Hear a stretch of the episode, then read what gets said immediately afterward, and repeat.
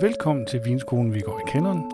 Podcasten, der gerne bryder de introverte studierammer for at finde frem til gode vine. Denne gang har vi forladt studiet, og jeg er fuldt i hælene på kende til en stor vinsmagning, som den italienske vinguide Gampiero Rosso holdt på Oddfellow Palæet i København sidst i februar. Vi starter med at danne os et overblik over sagen, og så smager Kenneth vist på noget italiensk spurmante. Kenneth, kan du ikke lige prøve at fortælle lytterne, hvor vi er henne? Vi er i øh, Oddfellow Palæet i København, og øh, der er italiensk vinsmagning. Det er en italienske vinguide og madguide, Gambiero Rosso, som øh, har inviteret folk, øh, både øh, professionelle og senere i dag kommer der også uh, alle mulige andre, som har kunne købe billet til arrangementet. ind til vinsmagning øh, med vine fra, jeg tror der er fra 14 af Italiens øh, regioner. Er vi 100-150 mennesker herinde, og man kan jo godt høre, der er en øh, summen og snakken øh, fra folk, der går rundt og smager vin og det er jo sådan et sted, som, øh, hvor man kan få lov til at smage en hel masse. Der er jo mange af dem her, der, som er her i dag, som øh, ikke har nogen danske importører, som håber at finde en i dag. Og derfor så kan man få lov at smage noget af det vin, som man ikke ellers normalt vil smage i danske butikker, øh, og kan købe i danske butikker. Og har du været rundt og smage noget, som øh, har været spændende?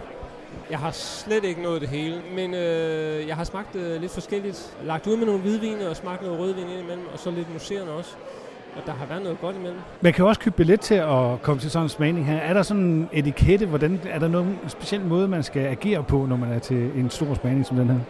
Der gælder jo ikke nogen regler for sådan noget her. Man kommer jo bare, og så smager man det, man gerne vil. Men jeg synes jo, for alle får så god en oplevelse som muligt, og det gælder egentlig altså både ved en professionel smagning, som den del, vi er til nu, og senere i dag, hvor, hvor folk, der har købt en billet til uh, altså almindelige vin, elsker at komme og smage. Så er der nogle, nogle regler, man godt kan følge, sådan for at alle får en god oplevelse for det første vil jeg sige, find en spyttespand og brug. Der er stort set ikke noget mere pinligt og bedrøveligt, end at se voksne mennesker lalle mere eller mindre beruset rundt efter en smag. Øh, når man så har fundet ud af at bruge sådan en, så, så går man jo så rundt og finder det vin, man gerne vil smage, og så synes jeg jo bare, at man skal uh, gå efter det. Men sådan generelt vil sige, så dem, der står og skænker op, de har jo også, nogle af dem har jo også for at sælge deres vin, for at finde en importør, øh, og for at gøre opmærksom på sig selv. Det gør de jo alle sammen gerne. Så respekter dem for, at de faktisk er på arbejde i dag, og, og, og, og spørg gerne sådan lidt ind til, hvad er det, de har med, og lyt til, hvad de har at fortælle deres vine. Og så samtidig med det, give plads til andre. Altså, hvis man nu kommer en lille gruppe og synes, det er sjovt at smage vin sammen, så lad være med at stille det op foran bordet og, og, og fylde det hele.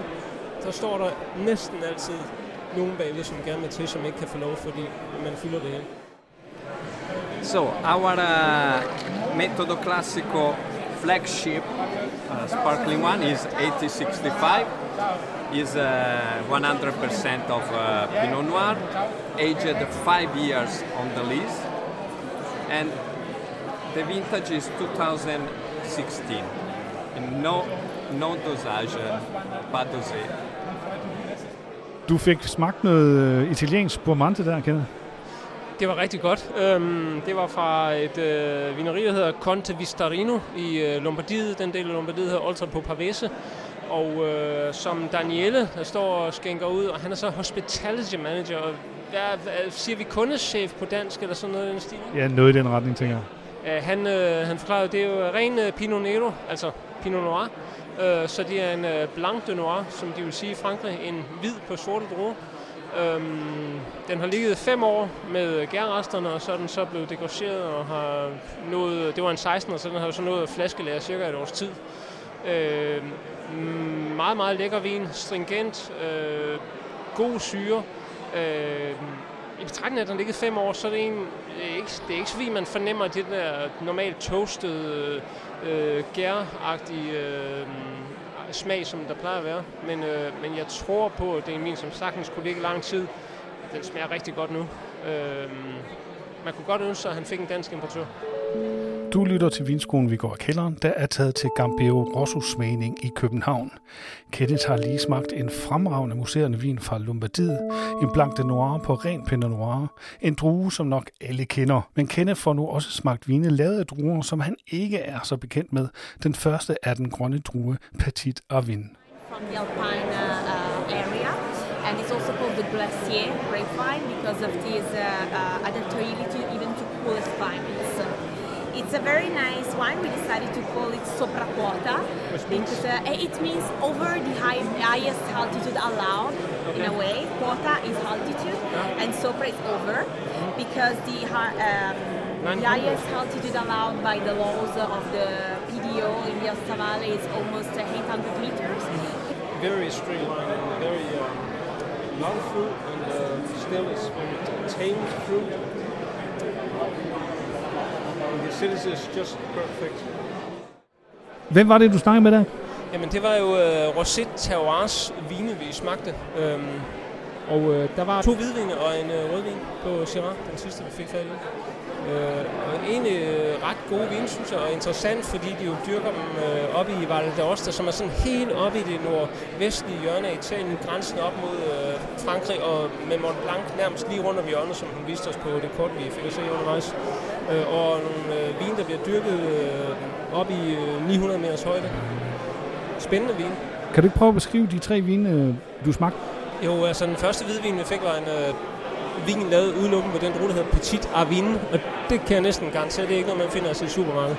Øhm, en lokal drue nede fra det her område, og øh, en ret, synes jeg, en ret lækker vin, øh, med god øh, syre og en rigtig fin længde i smagen. Øhm, og nu er de jo så desværre uden dansk importør, så jeg kan ikke sige, hvad prisen er i Danmark. Men øh, hvis man nu øh, skal på skiferie dernede i det område, det er tæt på flere af de store øh, skisportsteder i Frankrig i hvert fald, så kunne man godt prøve at udsøge sig sådan en. Og du smagte også en øh, drue, som de fleste kender, en Chardonnay. Ja, den var, skal vi sige, måske lidt nærmere en, øh, en, en stil, man kender. Øh, stadigvæk forholdsvis en krydret vin, synes jeg. Og øh, nu kan det være, at jeg lidt tænker, at det er sjovt altid at få smag i druer, jeg kender, så måske var jeg knap så fascineret af den her Chardonnay, men egentlig en udmærket vin. Men du virkede alligevel ret fascineret af den Syrah, du fik til sidst. Jeg synes, det er spændende, at man dykker Syrah, øh, og jeg kan ikke huske, vi var, vi var pænt højt oppe i, øh, i bjergene her, men måske var det 700-800 meter eller sådan noget højde. Øh, interessant, at man vælger at dyrke lige præcis Syrah her, øh, som man jo ellers mere kender fra solbeskinnede skråninger langs Rhonefloden og det sydlige Frankrig, og jo selvfølgelig også især øh, Australien, hvor den får masser af varme.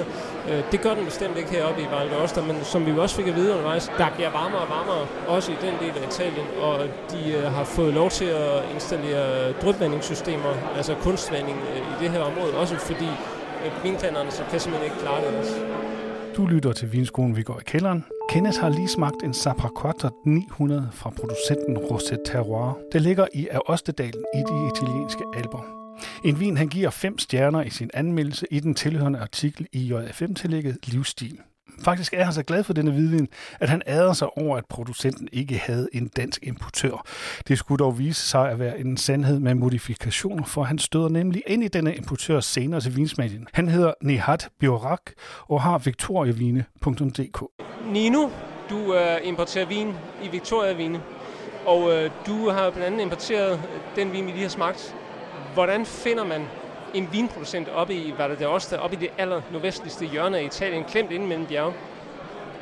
Jamen, jeg har en uh, kammerat, Jakob, der studerer til winemaker i Italien. Uh, og hans professor tog en af deres vin med til undervisning, fordi han vil vise, hvad, hvad hvidvin kan i Italien, så store hvidvin. Og det er den, der hedder Sopra Quarta 900, som, er, som de er kendte for på 100% petit vin. Uh, Jakob han skriver til mig med det samme på Instagram, uh, sådan en chat, vi har kørende, hvor vi kun nørder vin. Det her, det er det vildeste hvidvin, jeg nogensinde har smagt i Italien. Du burde skrive til den. Og det første, jeg gør, det er at gå ind på deres Instagram-side, Rosette Terroir, og bare skrive til den. Præsentere mig selv og fortæller lidt om, at, uh, hvad min kammerat har sagt, og om vi ikke kunne mødes og, og smage deres vin sammen. Og det resulterer så i, at uh, jeg støder ind i deres uh, tidligere en salgsansvarlig i, i, i virksomheden. Og vi, han tager sig så rigtig god tid, og vi gennemgår alle deres vin. Og jo, jeg bliver også fuldstændig blæst væk af den her vin sammen med vores sommelier, Daniel.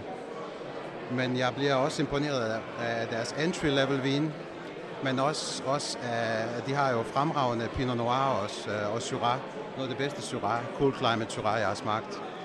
Og det resulterer i, at mig og Daniel vi bare kigger på hinanden og tænker, what the fuck? Undskyld, jeg bander, men hvad, hvad er det, der sker her? det her hus, det skal vi bare have. Det passer perfekt ind i vores sortiment. Så det er den korte historie. og hvis man nu efter at have hørt dig fortælle om det her er blevet tørstig og tænker, det der, det skal jeg bare smage. Hvordan gør man så? Man går ind på victoriavine.dk. Under producenter, der klikker man på Rosette Terroir, eller skriver du bare i søgefeltet. Og så har man alle deres vine. Så altså, priserne er mellem 149 og 399, afhængig af hvilken vin det er. Så det er, det er sådan set det, det eneste, der er ved det. Det er, det er en meget, meget lille producent. Nogle af vinene laver det kun 1000 flasker af. Det vil sige, at vi kan godt få 90-120 af nogle af dem. Så tre ud af seks vine, vi har på webshoppen, er udsolgt nu. Men deres topvin, som er den, I også tror jeg har smagt, så Blackwater, øh, den er stadig available, og også deres Syrah. Så det er, det er den øh, nemmeste måde at få det på. Så 20-21 årgange får vi så lige efter sommeren. Og der får vi lidt større mængder også. Du lytter til Vinskolen, vi går i kælderen. Petit af vin er ikke den eneste due, som Kenneth prøver til Gambeo Rosso-smagning i Otfello Palet i København. Han er også meget begejstret for en vin på druen Ballon fra producenten Casala del Giglio. En vin, som får fem stjerner og kan købes hos turtlewine.dk for 159 kroner flasken. So it is, uh, could you explain to me this white wine you have here today? It's uh, it's special because it's not a grape variety that everybody knows. Exactly. Yes. So we are in the Lazio region. That would be the region of Rome. So the winery Casale del Giglio is located 50 kilometers south of Rome. Uh, what you are tasting today is the Anthium. It's a wine made 100% of Bellone grape. So the Bellone is a very old, very ancient grape uh, that has been always present in the Lazio area, but that we wanted to rediscover as a 100% grape. En drue, du ikke har smagt før, Kenneth. Kan det virkelig passe? Ja, det kan sagtens passe, Martin. Øh, der er mange, og jeg tror i Italien har de vel omkring et par tusind øh, indfødte sorter, så der er nok at vælge imellem. Øh, og den her bellone drue, øh, som øh, vi hørte Elise fortælle om, er ret, øh, ret lækker, synes jeg, i den her vin. Øhm, da jeg først smagte den, frem, og det var sådan lidt, øh, mindede lidt om øh, Chardonnay, og så alligevel ikke, fordi jeg synes egentlig, den har, den er ikke, den er så heller ikke blevet behandlet helt på, som man vil gøre med en Chardonnay. Vi har ikke en masse fadlæring her. Øhm, frisk, rank, øh, virkelig god syre, lang eftersmag, og som vi også hørte hende fortælle, man kan næsten dufte saltet øh, i, i, i duften af vinen, og det, det er jo en vinmarker tæt på vandet. Og så er der det specielle ved den her vin, at den er dyrket på planter, som øh, vokser i sand, og det vil sige, at de kan faktisk vokse på deres egne rødder, så man har ikke været nødt til at pode dem over for rødder, som øh, er modstandsdygtige over for phylloxera, altså vinlus. Øh, det, det er der ikke så mange steder, man kan. Og hvis man nu øh, skulle være blevet interesseret i at smage den her særlige øh, hvidvin, øh, kendt, hvor kan man så købe den hen? Øh, et lille vinimportørfirma, øh, der hedder Turtle Wine, og øhm, ja, også det altså turtlewine.dk. Mm, og jeg vil sige, at det, det er en, en god anbefaling herfra. Det er meget, meget god vin til den pris, synes jeg. Næste gang er vi tilbage i studiet. Hvad vi skal smage på er endnu ikke helt på plads. De kunne måske være noget kalifornisk Pinot Noir. Vi får se.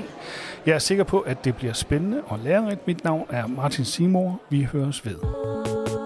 Du har lyttet til Vinskolen, vi går i kælderen, en podcast lavet af magasinet Livsstil for JFM.